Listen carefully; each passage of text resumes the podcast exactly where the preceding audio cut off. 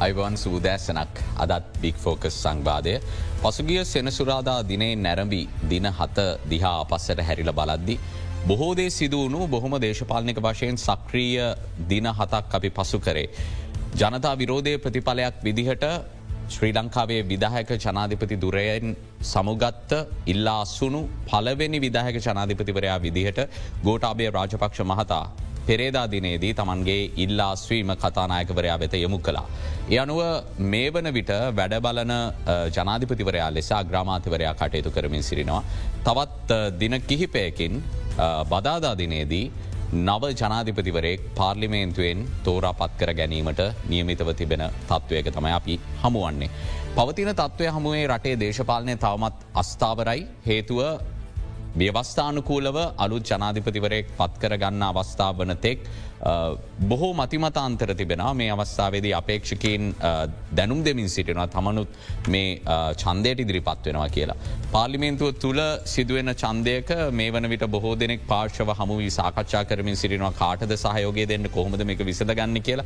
මෙවැනි පසුබිමක අපි සාකච්ඡා කරන්නට සූදානමින් සිටිනවා මේ ලංකාවේ පවතින දේශපාලන තත්ත්වය ටිකක් පුළුල් චිත්‍රයකින් මේ තත්ත්වයක් එක්ක රටේ පවතින අර්බුදකාරී වාතාවරණයට මොනවිදිහට මේ තත්ත්වය බලපාවිද මේ අවස්ථාවේදී ස්ථාවර දේශපාලන තත්ත්වයක් හැකික්මනින් නිර්මාණය කර ගැනීම කොයි තරම් බැදගත්ද. ඒ වගේම ජාත්‍යන්තර සහයෝගය ලබාගන්නට හැකියාව ලැබෙන පරිදි මේ කාරණය කෝමද අපි විසදා ගන්නේ කියන කාරණය පිළිබඳව අද සාකච්ඡා කරන සූදානම් හිටපු විදේශ කටයුතු අමාත්‍යවරයෙක් වන රෝහිත බෝගොල්ලා ගම මහතාට අද ඇරයුම් කළේ අයිබන් කියලබුදුමා පිළිගන්න. හිටපු විදේශ කටයුතු අමාත්‍යවරයෙක් වගේ ඔබතුමා දීර්ඝ කාලයක් නීතිශේෂත්‍රයේ නීතිඥවරයෙක් විදියට කටයුතු කරපු කෙනෙක් විදිහටත්. මහිතන ආණ්ඩුක්‍රම් ව්‍යවස්ථාවට අනුව අපිට විසදාගන්න ඉතාම අස්ථාවර දේශපාලන වටපිටාවක් තියෙන අවස්ථාවක ඔබ අපි හමුවන්නේ. මගේ පළවෙනි ප්‍රශ්නය ඔබේ දේශපාලන ජීවිතය තුළ වගේම ඔබ ලංකාවේ දේශපාලන නිරීක්ෂණය කරමින් සිටින කාලය ගත්තත්. මෙවැනි සිදුවීම් දාමයක් මීට පෙර ඔබ නිරීක්ෂණය කරල තියෙනවා. මහිතන මේකට අවතීරණ වෙනවන මේක ඉතාමත්ම අපි කියනවා දුර්ලබ අවස්ථාවක් විදියට මන් දකින්නේ.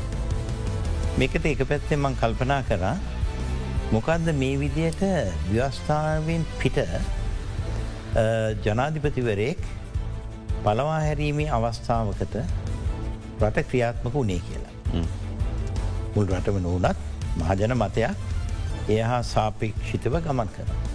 මහිතන අපේ ව්‍යවස්ථාවත් ස්ටෘජු මංහිත ටිකත් දරදඩු වැඩි මේ නායකවරු මාර්කිරීමේ ප්‍රවේශය සම්බන්ධ. දැ ඉස්ට්‍රයිලේ මෑතකදී නිතියනයා වූ දීර්ඝ කාල්න පාලකයා පක්ෂෙන් නිර්බන්ඩ සිද්ධ වුණා පක්ෂෙන්ට මේ රජය.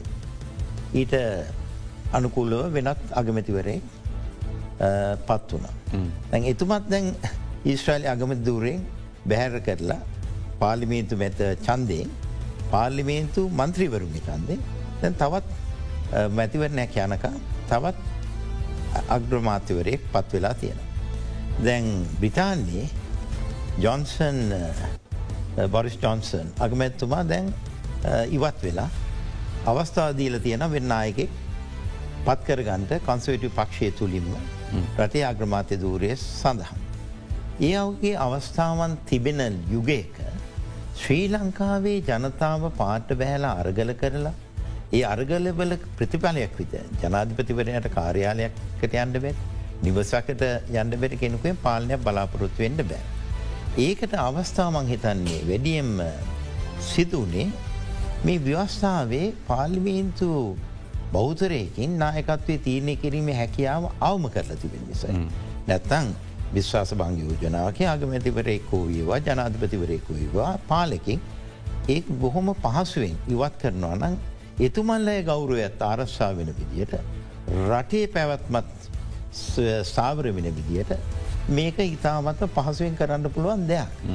නමුත් මේ ව්‍යස්ථානුව තුනෙන් දෙක චන්දයක් ඕන ඊට පස්සේ ඉම්පීච්මෙන්ට් එක ගෙනල්ලා ඒක තුනෙන් දෙකින් පාස් වෙලා ඒක තියෙන චෝදනා නැවතකරවිදේ සමිශ්ෂණයට ලක් කරලා පරිශ්ාවල් කරලා ඒ අනුවකරපුදේ නැවතකරපුදේ ශ්‍රේෂ්ඨාධිකරණය හමුවට ගිහිල්ලා. ගිහිල්ලා නැවතකරපුදේ පාලිමින්තුට ඇවිල්ල නැවත තුනෙන් දෙක චන්දකින් පැහැර කරනකොට ජනතාව දන්නා මේක වෙනවාද නැද්ද කියන එක. මෙන්න මේ නිසාමයි මංහිතන්නේ ජනතාව ව්‍යවස්ථාවෙන් බැහැරව කටයුතු කිරීමේ ස්ථාවරයට ආගිමිය. ඒක ඉතාමත්ම කනගාටුදායක අවස්ථාවක්. නමුත් ඒ වගේම සාපේක්ෂිත බැලුවොත් ඒක විකල්පයක් විදියට අද සමහරලාට සාර්ථක විකල්පයක් විදියටත් අද ලෝකඇත් පිළියාරගෙන අවසාන. ඒවගේම ඔබතුමා මේ ව්‍යවස්සාාවෙන් බැහැරව කියන වචන පාවිචි කරදිම යම් කිසියාගර නිර්වචනයක් ලබාගන උත්සාහ කරන්න. ද අපේ රට අඩුක්‍රම ව්‍යවස්සාාවෙන්ම භාෂණය නිදහස ඒවගේම උද්ඝෝෂණ කිරීමේ නිදහස මේ සියල්ල අපිට ලැබිල තියෙනවා. තොට ඔවුන් ඉල්ලා සිටියේ ජනාධිපතිවරයාට බලකර සිටියේ එතුමාට ව්‍යවස්සාාවෙන්ම ලැබිලතියෙන අභිමතය ප්‍රකාරව ඔබතුමා ඉල්ලාස් වෙන්න කියන කාරණය. ඒ අනුව මහජන උද්ඝෝෂණයක් පිරෝධතාවයක් තමයි දිගින් දිගෙන පවත්වාගෙනගේ එතවට අපිට කියන්න පුළන්ද මේක ඒවස්සාාවෙන් බැහැරයි කිය. මංහිතන්නේ ඉල්ලාස්වීම ව්‍යවස්ථාවෙන් බැහැරණය ව්‍යවස්ථාන කූලයි. ඉල්ලාස්වීම කරා ගෙන ගිය ව්‍යායාමය ව්‍යවස්ථාවේ නෑ මේ වගේ අරගල ප්‍රවේශයක් තුළින් ජනාතපතිවරෙක් බැහැර කිරීමේ ප්‍රවණතාවය නත් ජාතන්ත්‍රවාදී පාලන ක්‍රමයක් තුළේ නිදහස ජනතාවට ලැබිල තියෙනවා. ඒක තිනත් ඒක විරෝධයක් ප්‍රකාශ කිරීමේ ප්‍රජාතවන්ත්‍රවාදී මූල්ලික අයිතිවාසකම්බලින් ප්‍රධානම එකක්. ඒ අදහස ප්‍රකාශ කරන්න. ඒ වගේ මේක නිරායුද අහිංසක ජනතා හඬක්. දින එකකින් දෙකින් අවසාන විච්ච කන්නමේ දින අනු පහ දින අනු පහක් ගෙනල්ලා ඒක ඉතාමත්ම හොදින් ඒ පංහිතන්නේ බලාපොරොත්තෙන ඉලක්කයට මංහිතන ගමන්කාන්න පුළහමුණා. නමුත් මං කියන්න ව්‍යවස්ථාවෙන් බැහැරව ව්‍යස්ථානකූලව වැඩේකාන්ති පන මහජන නියෝජිත පැහැදිලි. පාලිමීන්තු තුළ විශ්වාසය පළුදු වෙලා තිබෙන ජනතා විශ්වාසය ඔබතුමා ගැන ඒ නිසා විශ්වාස මංගයෝජනා කියන ඒ අනුව ඔබතුමා මේක ඉවත් වෙන්ඩෝනේ. ඒක වෙන්න ඇත්තේ යම් බැදිීන් වලට අපි පක්ෂ අනුව බැඳීම් වලට අපි සියල් දෙනාම හසු වෙලා තිබෙන් නිසයි. මේ නිසා විවෘර්ත අදහසක් ජනතා මතය සමහරලාට ඒ ආකාරයෙන්ම නියෝජනය වෙනවාද කියන තර්කයට අපි හැම්බෙලේ මුහුණ දෙන්න සිද්ධ වෙනවා. ජනතාව කියන්නේ එකක් අපි නියෝජනය කන්න පක්ෂමතය. පක්ෂයක් කියන්නේ තමුන්ට ආවේනක වෙච්ච තමුන්ට ගැලපෙන දේශපාලන ව්‍යූහයක් තුළ තමුන් කොටු වෙලා ඉන්න තැන. දැන් මේ ජනාධිපතිවරයට විසිවෙනි සංශෝධනය අනුව උපරින් බල ඇති ජනාධිපතිවරෙක් මේ ලංකායිතය. නමුත් ඒ බලය විකාශනය කරන්න බැරවුණා ජනතාවට ගැලපෙන විදිහට. ඒ නිසා ජනතා විරෝධය පාර්ලිමීන්තුවටත් පිටි ගමන් කරන්නට වුණා.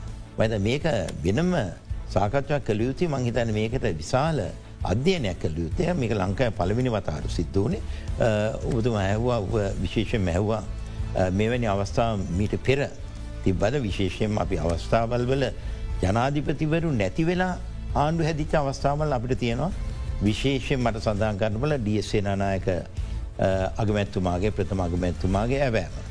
දෙදස් එදදා නමසය පනස් දෙකේ මාර්තු විසි දෙවින්ද හදිසි ඇවෑමෙන් ව්‍යවස්ථාවනුව ඒ පක්ෂම දල්ලි සේනානායක අමාත්‍යතුමයි වෙනකොට ආග්‍රමාතයවරයා විදියට ප්‍රකාශ වුණා ඒ පක්ෂය ගත්ත තීරණයක් අනුව එතුමා දිවරුන්දුරන අග්‍රමාතිවර. එදා නම්සේ පනස් නමේදී ස්ඩ බණ්ඩන්නයක ඝාතනයේදී W දහනායක අග්‍රමාතිවරය හිටුම අමාතිවරේ එතුමා පත් වුණ ඒ තිබ්බ අවස්ථාව පාඩුව පුරපාඩුව සඳහා. එදදා නමසය අනු තුනේදී. මම ඒකට ඉතාමත්ම සමීප සම්බන්ධ වුණ ම පාල්මිදි හිටිය නැතුවනත් ඒ වෙලේ රණසිංහ ප්‍රේමදාස් ජනාධපුත්තුමාගේ මරණය හදිස්සයෙන් දැනුවත් වෙච්ච වහම මම හිටියේ විශේෂයෙන්ම කොළඹ. ඒ වගේ මම ප්‍රවේශ වුණා ජනාධිපති කාර්යාලයට.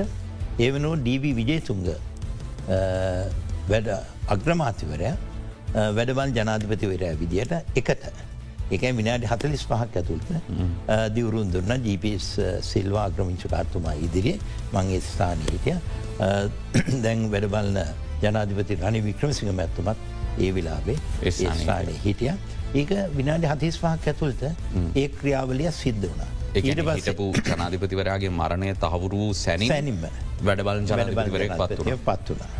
ඊට පස්සේ ම විශේෂයෙන්ම ඒ කටයුතු සඳහා යෙදූන යොමූනේ නමුත් ඒ අවස්ථාව විශේෂ. නමුත් දින හයක් ඇතුළට ඒක සිද්ධ වනේ මැයි මාස පලවෙන්න මැයි මාස හයවෙන්ද පාලිමේන්තුවේ නිතරගේ. දීපී විජේතුන්ග ජනාතත්තුම පත් වනා රටේ විදාක ජනාධපතිවරය විදියට. මහිතන්න තුන්වෙනි විදායක ජනාධපති. එතුමා වසරක් වගේ දුරේ දර වසරේ කාමාර. මෙයි මාසිල්ල දෙදස් හතරේ අගෝස් මාසය දානු හතරේ අනු හතරේ දෙදස් එදානුම්සේ අනු හතරේ අගෝස මාසේ දාසවෙන්දද. එතෝට මහස් අවුරුද්ධකුත් මාස හතරක් වයි කාලඇත්තු. එතකොට මහත මැතිවර නැත්ත බීට පස්සේ චන්ඩක කුමාතුන්ග ජනාධිපතිවරය.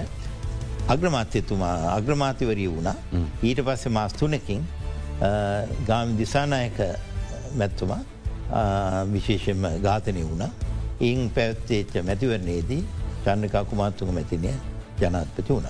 දැන් ඒ වගේ මේ විශේෂ අවස්ථාව.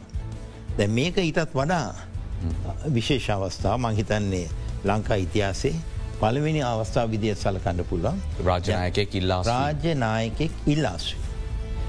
අපි දකිනවා ඇමරිකා එක්ෂ ජනපදේ ඒත් එකම රාජනායක ඉල්ලාස්සුනේ ඒ රිචඩ් නික්සන් එදා නම්සේ හැත්ත හතර වර්ශයේදී Uh, ඉම්පීච්මෙන්ටයක් ගෙනාව නමුත් uh, එකට මුහුණ දෙන්න නැතුව uh, එතුමා ඉල්ලාසු.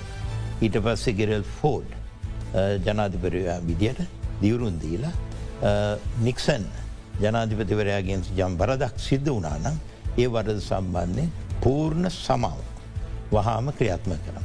යනු ඒ මංහිතන්නේ ජමනිකාව එතනින් ඇමරිකාව අවසන් කරන්න උත්සා කර. ඒක තවතුටත් ඉදිරියට ගෙනියන්න නැතුව. නමුත් මේ ලංකාවේ මේ අවස්වා තාමත් අපිට දැන් එළබෙමින් තිබෙනවා. මේ ආරම්භයක් විතරයි. අපි ගැන කතා කරම. ඔබතුම ඉතම් වැදගත් තැනකින් ප්‍රවේශයක් ගත්තමකුත් දැන් බොහෝ දෙන මතුකරව එකක් තමයි මේ විදිහට ජනතා අරගලයකින් රාජනායකෙක්ට තමන්ගේ දුරෙන් ඉල්ලාස් වෙන තත්ත්වයකටම පත් කරනවා කියන්නේ එක් අතකින් ජනතා ජයග්‍රහණයක් අනෙක් පසින් මේ ගැන විධ මතධර්ණය කියපු කාරණයක් තමයි මේක පූර්වාදර්ශයක් විය හැකි කියලා. මොකද සාමාන්‍යයෙන් පත්වෙන ඕනෑම නායකෙක් තමන්ගේ අභිමත ආකාරයට නැතුව අසාර්ථක භාවයන් එක්ක රටේ පාලනය කරගෙන ඇද්දි. සෑම විටම මේ ආකාරයේ අරගල හරහා ට දුරෙන් ඉල්ලාස් වන්නට සිදුවන පූර්වාදර්ශයක් බවට පත්වේ කිය. නමුත් ඔබතුමාවය මතු කරන ව්‍යවස්ථාවෙන් මීට වඩා පහසු වීදියට ජනාධිපතිවරයකෝ ඕනෑම රාජනායක කිවත් කරන්න පාලිමින්තුර බලය තියෙනවා නම්. ජනතාව මෙ පමණ දුෂ්කරතාවට මුහුණ දෙන්න අවශ්‍ය නැහැ. කොහොමද අපි දැන් ප්‍රතිසංස් කරන ගැන කතා කරමින් සිරින්නේ. ව්‍යවස්ථා ප්‍රතිසංස් කරන හරහා මේ ජනතා අරමුණ නිවැරදිආකාරයෙන් නිරූපණය කරන්න පුළන් ප්‍රතිසංස් කරන ගැනෙන්නේ. මං විශේෂයෙන් දකින්නේ මේ සම්බන්ධය කල්දු අපි මේ ව්‍යවස්ථාව හැදුවේ. අපිට ලැබිච්ච ව්‍යවස්ථාව නිදහසේදී විස්මින්ස්ට ආණ්ඩුක්‍රම රාමුව තුළ බෞතර චන්දයකින් පත්වෙන පාර්ලිමේන්තු බහුතරයකින් පාලනයක් ගෙනයන අග්‍රමාතිවරයෙක් ප්‍රමුඛ කැබිනට් මණ්ඩග. මෙන මේක තමයි සියලු පක්ෂයක් කව්වෙලා. ඒ අවස්ථාවේ සියලුම් පක්ෂ පාර්ලිමේන්තිය නියෝජනය වෙච්ච පිට සිබ්බ පක්ෂ ඇතුළුව හැම කෙන මති වුණේ අපි ඉංග්‍රීසි ක්‍රමයට නැත්නයි ඉංගලන්ති පැවතින ආණ්ඩු ක්‍රමයට අනුකූලව Uh, වෙස්මිස් ක්‍රමය අනුව වෙස්මිස ගෑන්න ඉන්දිය ඉංගලන්ද පාර්ලිමේන්තුවට වේ වෙස්මින්ස්ට ක්‍රමය අනුව ලංකාව ඉන්දියාව ඔස්ට්‍රේලියාව නිවසල්න්න වගේ කොමන්ව කන්ට්‍රීස් නැත්තම් පුදුරාජ මණ්ඩිය රටවල් මේ ආණ්ඩු ක්‍රමයකට අපි ප්‍රවේශකෙන. ද ඉන්දියාවේ තුළින් සෑන ප්‍රගතියක් අගමැතිවරයකුගේ කැබිනට් මණ්ඩලයකින් ඉදිරියට ඇවිල්ල තියෙනවා. දැ මේක එද්දානමසය හැත්ත දෙකේදි පමණ අපි ජනරජ ව්‍යවස්ථාවක් කියෙන. ඒක සිරුවා බණ්ඩාරණයක මැතිනියගේ පාලන කාලයේදී. ඒ අවස්ථාවද කොල්විනාඩි සිල්ලා මැත්තුමත් විශේෂෙන් විදායක ජනාධිපදූරයක් ඇති නොකර රටේ ව්‍යවස්ථාවේ අපි ජනරජ ව්‍යවස්ථාවක් විදියට. ඒ වියස් රිපබ්ලිකන් කොන්ස්ටිටෂන්. ඒ ව්‍යවස්ථාව අපි ගෙනම්. ඒ වෙලේ මතයක් ප්‍රකාශනාව විශේෂයෙන්ම ජයාජාවදන මැත්තුමාගේ ප්‍රවේශයෙන් එතුමා ජනාධිපති වෙන්ඩිස්සල්ල මේ රට ගැලපෙන්නේ වැඩියෙන්ම ජනාධිපති ක්‍රමයක් කියන මතය. ඒක එක්සත් ජාතික පක්ෂයේ සිසුපා පිරිස් විශයෙන් දල්ලිසේනා නායක මැත්තුමා. ඒක සෘජුවම ප්‍රකාශ කල තියෙන මේක ලංකාවට ගැලපෙන් ඇති මේ විදායක ජනාධිපති ක්‍රමික නමුත් යාජාවද මැත්තුමාගේ අදහස් වුණා ඒ වගේ මෙදදා නම්සේ හැත්ත හතේ මහමැතිවරණයේදී ශ්‍රී ලංකා නිදස් පශ්ෂය ප්‍රමුඛ. මංහිතන ඒකට ඒ දවසකදේ කිව්වේ ශ්‍රී ලංකා ප්‍රමුඛ හවුල් රජය. ඒ වාස්ථාව හිටිය නෑ එල්ලෙස්පික හිටියනය එක ලංකා සම සමාජ පක්ෂයත් කමිනිස් පක්ෂයත් ඉවත් වනා දෙදස් පහවර්ශයේදී ඊට එදා නමසය හැත්ත පහවර්ෂ හැතේ නමුත් හැත්ත හතේදී පැ පොදුවේ ජනතාව සභාගාණ්ඩුව කියලා හඳුන්වන ආණ්ඩුව. ආණ්ඩුවේදී ඒ අවස්ථාවේදී ගිය ජාදන මැත්තුමා ඉල්ලවා ජනවර්ම මේක විදායක ජනාධිපතික්‍රමයක් කර ගෙනයා යුතුයි කියන. ඒ අනුව මැතිවරණ නැවත පැවැත්තුවේ නෑ ඒ ලැබිච්ච ජනවරමින් විදායක ජනාධි ක්‍රමය අනුව විවස්ථාවක් එදා නමසේ හැත හැත්තය අටේදී ලංකාය ප්‍රකාශ. ඒක අනුව තමයි විදායක ජනාධිපති ප්‍රථම විදායක ජනාධිපතිවරයා විදියට ජයාජාවර්ජන මැත්තුමා අන්ත පත් වෙලා ඒ කටයුතු කරගෙනිය. නමුත් එතුමාගේ අදහස් බලපුවාම එතුමා පරිපූර්ණ දේශපාලත්නය නමුත් දැන් අපිට වෙලා තිය වෙන ආනිසංස බලපුවාම. ස්ටෘජු පාලිකෙක් ගණ්ඩ අපිට ත්‍රශ්වාධි ති භාස්ථාවේ යම්තාක්තුරට හොඳ සාවරත්වයක් ගෙනයන්ට පුළන් ආණ්ඩු හදාගන්න ජනමතය ඒ වගේම නියෝජනය වෙන කැබිනට් මණ්ඩලයක් ඒ වගේම සමූහ රජවල් ගොඩනගාගන්ට මේක ජනතාදුට ප්‍රෝජනත් වුණා. නමුත් බලපුහාම මේක දෙදෙනා යෑමේ ස්වභාවිකුත් තියෙනවා. නායකය කියන විදියට වැදරෑ වැඩකාණ්ඩුවන. ඒ වගේම නායකෑගේ අත්මතය පරිදි පක්ෂය හසුරන්ට පුළුවන්. ඒ අනුව පක්ෂයට ඇතුල්ලෙන පිරිස් ජනමතයනයට වඩා පක්ෂමතය නියෝජනය වෙනවා. පක්ෂමතය කියන්නේ පක්ෂය මතයකුත් නෙමේ ඒක පුද්ගල මතයක් වෙනවා පක්ෂනායකයාගේ ක්‍රියාකාරිත්වය අනුව. ඉතින් ඒ අනුව බලපුහම තමුන් දේශපාලනය කරත් පාර්ලිමේන්තු මන්ත්‍රීවරයෙක් වුණත් ජනතාවද නියෝජනය කන්නේ නැත්තම් පක්ෂයක් ඇතුළේ ගුණු වෙච්ච යම්තාක් දුරට සීම බන්ධනවලින් පරිපූර්ණ වෙච්ච පුද්ගලයද කියන මතයට එනවා. ඒ මුණනාම ඒ ජනත්පතිවරයා අයිංකර ගණ්ඩත් බෑ. ව්‍යවස්ථානකුල යන ක්‍රමවේදය දීර්ඝ කාලය කල්ගත වෙන එතුවට තමුන්ට දේශපාලි රැඳීන්ටත් බෑ. මේ බලවත් චරිතයක් එක්ක. නිලියක් එක්ක සවස්ථාවේ තිබුණට කවදාවත් අපට ප්‍රයෝගිකව කරන්න බැරිවෙච්චරන්න බෑ. දැ විශේෂයෙන් අපි දැක්කා මං සමීප හිටපයි අවස්ථාවේදී ඉම්පීට්මෙන්ට් එක. දෝෂාභියෝගේ එදා නවසේ අනුව එකේ ප්‍රේමදාස ජනාධපත්තුමාගේ පක්ෂ ඇතුලින් ආ පිරිසු. විපක්ෂෙන් ගෙනම් දේවශාභියෝ ගැනෙම ගාමි දිසානායක ලලිත් ඇත් ලමුද ඇමතිවරු දෙදනාගේ ප්‍රධානත්වයෙන් ප්‍රධාන පිළි ඇමතිවරු පිරිසක් හිටිය.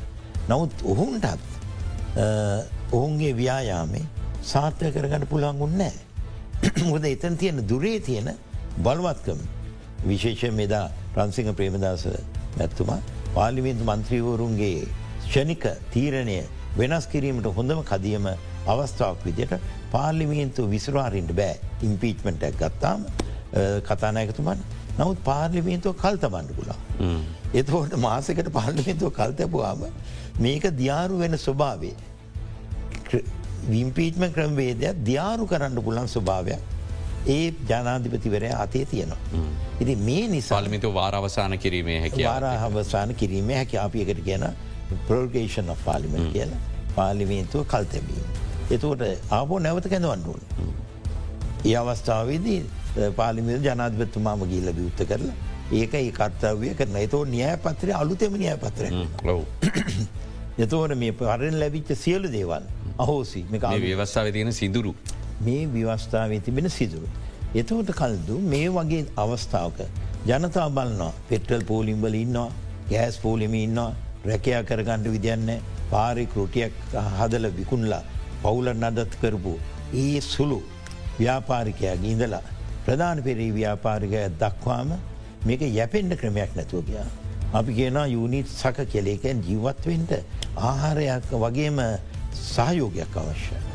ඒක අව ඒ එන්ටෙන්ඩ වැැහුනාම් රටක ඉන් ජනතාව පාර අර්ගලයක් වෙන එක ඉතිහාසයම දැකල තියෙන ප්‍රංස අරගලි ඉඳලම් ලෝකෙට කියාදීල තියෙන පාඩ කොහොමද පාලිකයෝ හැසිරෙන්ටුවට. ඉති මේක එවැනි අවස්ථාවකට යොමු වෙච්ච දෙයක්. දැන් අන්තිමට පාලිකයාගේ පිටින්තා මේ ඔක්කොමත් ඇද. වැඩිය මසරන වෙන පුද්ගලයක් අර ඒ පාලකයක් පමණ. යාවට ඊට නිල්ධාරී යායට උපදෙස් දුන්නාය යාවට සමහර අමාත්‍යවරුන් යා කියන දේවල් හරි විදිහට යායට පහද නොදුන්න පිරිස් ඒගුල්ලට ඒවාකී මෙන්න අර් ව්‍යවස්ථාව එතන මට ඒවිදිට හිට පිරිස් ආයි ආණ්ඩුවක් කදන එකෙත් පෙරමුණ අරගෙන කටයුතු විශේෂ දැන් කවුද මේ වනි අපි මේක අලුද්‍යයන් නෙමේ ඉන්න ජනතාව දැක්කා අවුරුදු ගානත් තිස්සේ. විශේෂයෙන්ම ගෝටාවේ රාජපක්ෂ ජනත්පතුම ඇතති ආර්ථික එන්ටෙන්ඩ ගඩාන වෙන්න. ඒක වලක් වන්නට ගතයුතු ක්‍රියාමාර්ග ඒ ලේකම්වරු ගත්තද. ඒ උපදේශකවරු ගත්තද. ඒ අමාත්‍යවරු කිව්වද. ඒ අනුව කටයුතු කරාද. ඇයි එහෙනම් මේ තත්වයට පත්ව පිට කල්ලුත් මේ රටේ නොයකුත් අභියෝගොල්ට මුහුණද. අපි යුද්ධ කරපු රටක් අවුරුත්තියක් තිස්සේ. නවත් ආර්ථිකය ජනතාව ශක්තිමත් කරන විදියට. ආර්ථිකය ගෙනච්ච රට. එති ඒ නිසා මං හිතන්නේ අපි මේ ව්‍යවස්ථාව ගැන ඔබතුමා හැව්වා කලිදු ඒ ව්‍යවස්ථාව මං හිතන්නේ දරදඩ ස්වභාවයන්. අනිවාර්යම ලිහිල් කරයුතුේ. දැන් අපිට දියුණු වෙච්ච රටවල්වල් ව්‍යවස්ථාවල් අනුව අපිට තීරණකන්ට අපිට හැකියාවන් තියෙන ඉගෙන ගන්න පාඩ. හොඳටම දියුණු වෙලා තියෙන රටවල්වල ඉතාමත්ත සරල ව්‍යවස්ථාවල් තියෙන. දරදනු ව්‍යවස්ථාවලින් දියුණු කරපු රටවල් දැන් එන්ටෙන්ඩ නැතිවෙලා යනවා. ඒවත් දෙදර ලගිහිල්ලිවර. ඒ නිසා මංහිතන් හොඳ මාර්ගය ජනතාවට මංහිතන්නේ සමීප ජනතාවගේ අදහස් නිර්මාණය වෙන පාලිමේන්තුවේ මන්ත්‍රීවරු ඒක නියෝජනය කිරීමෙන් නිදහස. ඔවුන්ට ආවේනය කරන්න පුළුවන්. නායකවරු බහුතර චන්දකින් සුළු චන්දකින් වෙනස් කිරීම හැකියාව ඇයි ඒක මේ ලංකාවට විතරත් නැත්තේ. හොඳයි අපි මේ ව්‍යවස්සා ප්‍රතිසංස් කරන ගැන සාකච්ඡා කරම මේ වෙලාවේ වෙනසක් ගැන කතාවෙන අවස්ථාවක් මේ වෙනස මොන පැත්තටද කරන්න පුළුවන් මොනාද වෙනස් වෙන්න ඕනෙ තැන් මේ ගැන බොහෝ දෙනාගේ අදහස් අපි විමසෙනවා. අද අපි ඒ සම්බන්ධයෙන් මේ දේශපාල ශේත්‍රයේ අදැකින් ගණනාවක් තියෙන ඉට පමාතවරෙක් සමගින් සාකච්ඡා කරන්න කෙටි විරාමයක් ලබා දෙන්න ඉක්මනින්ම යළිත් හමු.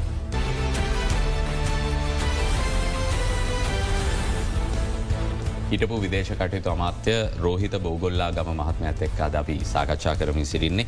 වී ඉතිහාසය ගැන සිහි කැඳවා ගැනීමක් කලා අපේ රටේ ආණ්ඩුක්‍රම ව්‍යවස්ථාවට අනුව මෙවැනි අස්ථාවර අවස්ථාවන් වලදී කොහොමද කටයුතු කළේ කියන කාරණය සම්බන්ධය.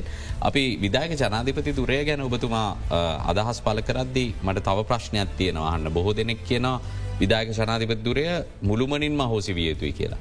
ඇතමුන් කියන විදායක ජනාතිපතිතුරේ තිබිය යුතුයි නමුත් දහනම වන සංශෝධනය වගේ පාලිමෙන්තුවට වඩාත් වග කියන තත්වයකට මේ තනතුර රැගෙන යුතුයි කියලා වඩාත් ගැලපෙන්න්නමක දොබේ මතයට. මෙද මෙතන ඒකට එවැනි සංශෝධනයකට ප්‍රවේශවෙන්ට පෙරාතුව මේ රටේ සංයුතිය ගැන අපිතන්ටුව.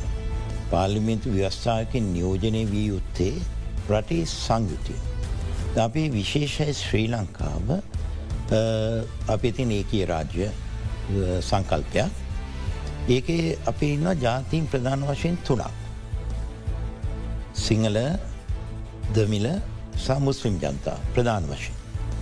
දැන් ඔවුන්ට ගැලපෙන්ටත් ඕනේ මේ බෞතරය හැදෙනකොට ඔවුන්ගේ ආරස්සාාව සම්බන්ධයනු අපේ තිබෙන්ට ඕනේ වක්කීම. නැතන් රට පවත්වාගෙන යම හැකියාව අවමිනවා. ඒ සඳහා යම් කේන්ද්‍රිය ස්ථානයක් මන්දකිනවා විදායක ජනාධිපති ක්‍රමයක් තුළින් සීම බලතල අඩුව නමුත් යම් නියෝජනත්වයක් හැම කෙනාගම චන්දකින්.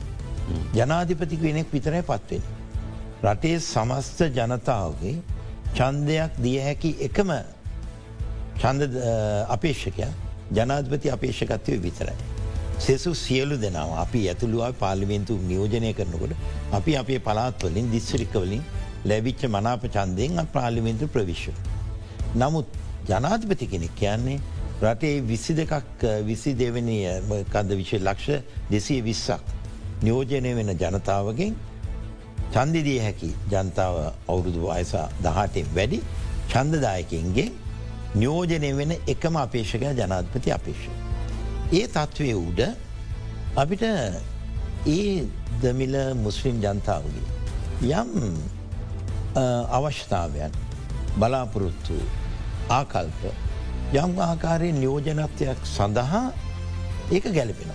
නමුත් සීමිත දැන් සිංගප්පූරයේ ජනාධපතිවරයට තියෙන සීමිත විශාල් වකීමක් ඒ වගේ සීමිත බල තියන්න නවත් ඒ බල්තල් උපරිම. විශේෂයෙන්ම රටේ මූල්‍ය ප්‍රතිපත් සම්බන්ධය රටේ විෂය අපි කියන වත්කම් සම්බන්ධයෙන් තීරණයක් ගන්නකොට ජනත්පතිතුමාගේ තීරණය අනිවාර්ය මාශ්‍ය. එතු ඔහු නිකම් මේ රටේ අපි කියනවා ට්‍රස්ටි කෙනෙක් කියලා. භාරකාරය කියලා. උපරින් භාරකාරය. එතුවට විදායකයෙන් පත්වෙන් යෝජ කැබින බන්ලේ වෙන යෝජන යම් විදිියකට සමාලෝචනයක් කරලා තීරණ ගන්න පුළුවන් විශේෂ පත්වීම් විංසකාරුවන්ගේ පත්වීම. ශ්‍රේෂ්ඨාධිකරණය පත්වීම. උසස් අධිකරණවල පත්වීම. අපි කියනවා අපේ තියෙන ස්වාධීන කොමිෂන් සභාවල පත්වීම. ඒ සම්බන්ධයෙන් හොඳ නිදහස් තීරණයක් ගැනීම හැකියාවක් හැම චන්ද කොටසකටම අපි කියෙන සෑම ජන කොටසකටම ගැලිපෙන් තීරණ ගැනීම හැකියාව අපිට ඒකට අන්තර්ගතකාන්ට පුළුවන්. නමුත් එදිනෙතා රටේ ලයිද්ද වතුරද ගොවිතැන්ට අවශ්‍ය පෝරද ප්‍රාණයට අවශ්‍ය තෙල්ද ඒකන මේ ජනාධිපති කෙනෙක් කරන්නටුවන. රටේ භාරකාරය විදියට ඒ යන ගමන හරි විදියට රට යනවද නැද්ද තක්සේරුවක ඉන්ව මංහිතන වටිනවා. ඒ නිසා ඒකට මංහිතන්නේ අවකාශයක් අපි දියුත්. ඒත් හා සමගාවම අපි ලංකාවේ සෙනෙට් මණ්ඩලයක් වගේ. නියෝජිත මණ්ඩලයක් ඇතිවෙන්ටෝන තුව සියලු කොටස් පාලිමේන්දට පත්වෙනට අමතරම අපිට මේ වගේ ක්‍රමයක් තිබා බිස්මිස් ක්‍රමය යටතේ එදදා නම්සේ හැත්තෑ හත දක්වා හැත්ත දෙක දක්වා ඒ අනුව අපිට සෙනෙට් මණ්ඩලයක් පත් කරගන්න පුළුව. දැන් ඉන්දියාවත් තිබෙන විශේෂයෙන්ම රාජ් සභා කියලා. ලොක් සබා රාජ් සභා. ඒ වගේම ඉංගලන් තියෙන හවස ලෝස් හවස කොමන්ස් සාමාන්‍යයේ මන්ත සොල්බරි ව්‍යවස්ථාව යටතේ මේක තිබුණ. ඒක තිබුණා. ඒකෙන් සිරුමා බණ්ඩාන්නයක අග්‍රමත්තුමිය පාල්ලිමින්තු අග්‍රමා දුරයට ප්‍රවේශණය පාලිමින්තු නෙමේ. සෙනෙට් සභාරු මන්ත්‍රීවරයෙක් විදිල. හුඟක් පරිපූර්ණ පිරිස් පාලිමේන්තු මැතිවන්නට ඉදිරිපත් නෝන අය සෙනිට් සමය නියෝජනය ලබල කැමිනට් එක කටයුතු කරනවා. දැන් ඉංගල්ල ඉන්දියාවේ ඒ තාමත් ලස්සන්න ඒක වෙනවා රාජ සභාවට ඉතා පරිපූර්ණ පිරිස් පත් කරනා පක්ෂානුව ඔහුන්ගේ තේරීම අනුව පත්වනයන් පස්ස කැවිනට් එකට ආපුහම ඒ කැවිනට්ගේ විශාල් වශයෙන් වැඩ කරන දැන් ඉන්දියාවේ විදේශ කටයුතු අමාතිවරයා රාජ් සභාවේ නියෝජිතවරේ. ඒතුමා කතයුතු කරන්නේ විදේශ අමාතිවරය විදියට ජයශංක ජයශංක මහත්මය රාජ් සභාව කරන. ඒ වගේම අපි දකිනවා ඒ රාජ් සමාවේ මන්ත්‍රිය ඇමතිවරු ලොක් සභාව තෙවල වාඩි වෙනවා ඒන රාජ සභයත් වාඩ වෙන. මේ රට ඉදිරියට ගෙනයාමේදී වෘතිකයන්ගේ බුද්ධිමතුන්ගේ සහයෝගේ ලබාගන්න ඉතාම හොඳ ක්‍රමවේ ඒක තමයි ක්‍රමවේද වියුත්තේ. බුද්ධිමතුන් තන් චන්ද කරලා වඩා එවුන්ගේ සේවය අපි දන්න කවුද බුද්ධිමතුන් කියන. ඔවුන් ඇවිල්ලා ඒ වගේ නියෝජනත්වය ලබාගෙන විශේෂයෙන් ආර්ථික ශේත්‍රය කෘෂිකන්ම ශේත්‍ර විදේශ සබඳතා විදේශ සම්බතතා ඒ වගේම වාරි කර්මාන්ත ශේත්‍රී පැර ඒක විතම් පරිණත ශේත්‍ර හොඳයි. අපි වර්තමානයට අවධානයමු කරද්දී. අපි මේ වන විට සංක්‍රාන්ති සමයක් පසුකරමින් සිටියාට ඉතාම විශාල අභියෝග ගණනාවකට රට මුහුණදමින් සිරි අවස්ථාවක තමයි මේ දේශපාලන අර්බුදය ඇවිල්ලතින්. එනිසා ස්ථාවර භාවය ඇතිකර ගැනීම හැකි ඉක්මනින් කළ යුතුව තිබෙනවා. මේ අවස්ථාවේදී අපි මේ සඳහා යොමුවෙන්න ඕනෙක් කොහොමද අස්ථාවර තත්ත්වයක් රට මුහුණ දෙන අනිකුත් ප්‍රශ්නවලට විසදීමේදී මොනවගේ බලපෑමක්ද කරන්න. මහිතන්නේ ප්‍රශ්නය බරපතලයි සමස්තයක් විදිහට අපි අධ්‍යයනයක් කරන ඕන. වැඩිම බරපතලු ප්‍රශ්න තමයි සරලවකිවොත් ඩොලර් නෑ කියන. ඩොලර් නැතුව රටත් දුවන්ට බෑ. එක තමයි යථාර්ථය. එන අපි මේ ප්‍රශ්නය බලන්ට ඕනේ අපි ආර්ථික සාවරත්වයක් කර ජනතාව සමඟ ඔවුන්ගේ ඔහුන්ගේ සුභ සාධනය වෙන. ඔවුන්ගේ සුභ සිද්ධිය වෙන. ඔවුන්ගේ ආනස්සා වෙන මේ රට කොහොමද මෙහවනික. ඒක මංහිතන පාර්ලිමේන්තුවේ තියෙන පූර්ණ වක්කී මද මේක ස්ථාවරත්වයක් ගේන්න මේ රට ජනතාවටත් ආරස්සාාවක් ලබා දෙන්නට ඒවන්න මේ කඩාගෙන වැටෙන ආර්ථිකයට පිළියමත් දෙන්න. එහෙම නොකරු එන්ඩ එන්නම අපි ප්‍රපාතයට යනවා. ඒ සඳහායි දැන් මංහිතන්නේ පුඩුපුනා මහබැංකූ අධිපත්තුමා ප්‍රකාශ කරනවා. මේක දැන් තියෙන දර මේක තවත් උහුලන්ට බැරි තත්වකට ඇවිල තියෙන කියල. දැන් වෙන රටවල් වල අධීශ මේ නිරීක්ෂණ අනුව ලංකායි උද්ධමනය එකසිය හතලිස් කනම්වලට කිය. අපි කියනවා මේක සීට පනස් පනස් සතරයි තැන් හැත්ත අටයි කියනවා ඔය වගේ අවස්ථාම්බලද. එතු මේ ඩොල හිගේට විසදුම් කීපැත් තියෙන එකක් ආයෝජනය විදෙස්ථායෝජය දෙක විදෙස් සහයෝගය තුළ ලබාගන්න ආධාර හෝ ණය ක්‍රමය ඒ වගේම තුන අප නයින් ලැබෙන මුදල් හතරවෙනි එක විශේෂයෙන් අපි කියන සංචාරක ව්‍යාපාරය ලැබෙන වත් මේ ආදාමත් පිටරට සේවය කරන සේවා ෘත්තිකයන්ගෙන් ලැබෙන අපේ එවන මුදල්. එම සීමිත සම්පත්. නව මේක අපි උපරිමේ ගෙනියන්න රටේ ස්ථාවර භාවයක් දකිින්ටුවන්.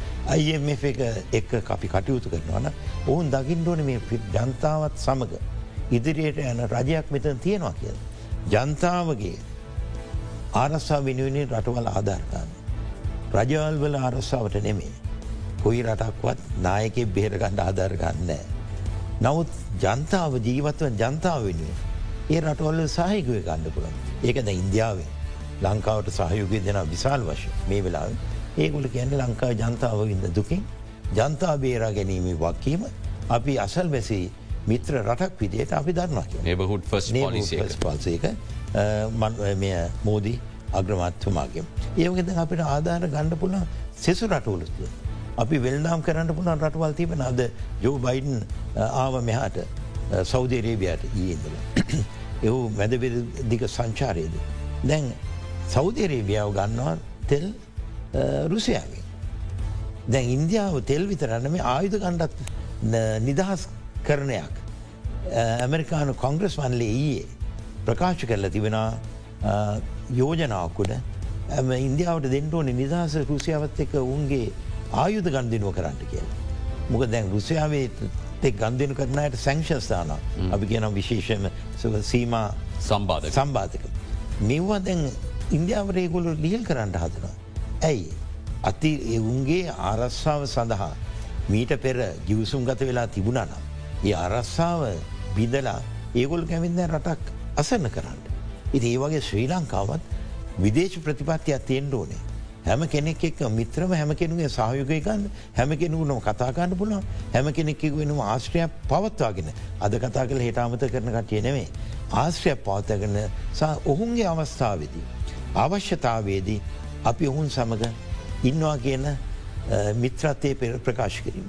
ඒම නැතුවනය හුද කලාව අර ලිඳකට වැටිච්ච ගෙම්බු පිරිසක ලිඳ ඇතුලින්ල කෑගහුවට. ඒකෙන් ලෝකෙට විකාශනයක් වෙන්න. ආස්වාදයක් ලබන්නේ සම්බන්ධතාවයක් ගොඩ්නගාගත්තොත් ඒ තුළින් ලැබෙන ආස්ට්‍රයේ ප්‍රතිඵල විදියට. ඉදි මන්දකින්නේ මේ රට හුඟක් විකාශනය වෙන්ටුන්. හුඟක් විවෘත කල්පනා කරල බලන්ටුවන්. අපේ ජනතාවගේ දුක සම්බන්ධය ලෝකයට ගෞරයකින් ප්‍රවිශ්වමෙන්ටු. ජනතාවිල්ලන්නේ එකයි. ජනතාවිල්ලන්නේ අපේ පින ප්‍රශ්මල බිසුන්දෙන් පාරවල් දිගේ දැන් මේ තෙල්පෝලිය කොච්චර කිවත් ගෙවල් වලින් කෑම ගෙනල්ල මගින් කෑමගල් තෙල්වියදමට වඩා අර එතන නඩත්වීම ජීවත්වීම වියද වැඩි හුඟක් කෑමට කිය තියෙනව. හොඳයි. අපි කෙටිවිරාමකට යමු මේ විදිට ගෞරවනීය ප්‍රවේශයකින් ජාත්‍යන්තරයට යොමු එන්න නං මේ වෙලාවේ මතු වෙලා තියෙන තත්ත්වය අපි කොහොමද ඒ දෙසට යොමු කරගන්නේ කියන කාරණය ගැන අපි සාකච්ඡා කරම කෙටිවිරාම.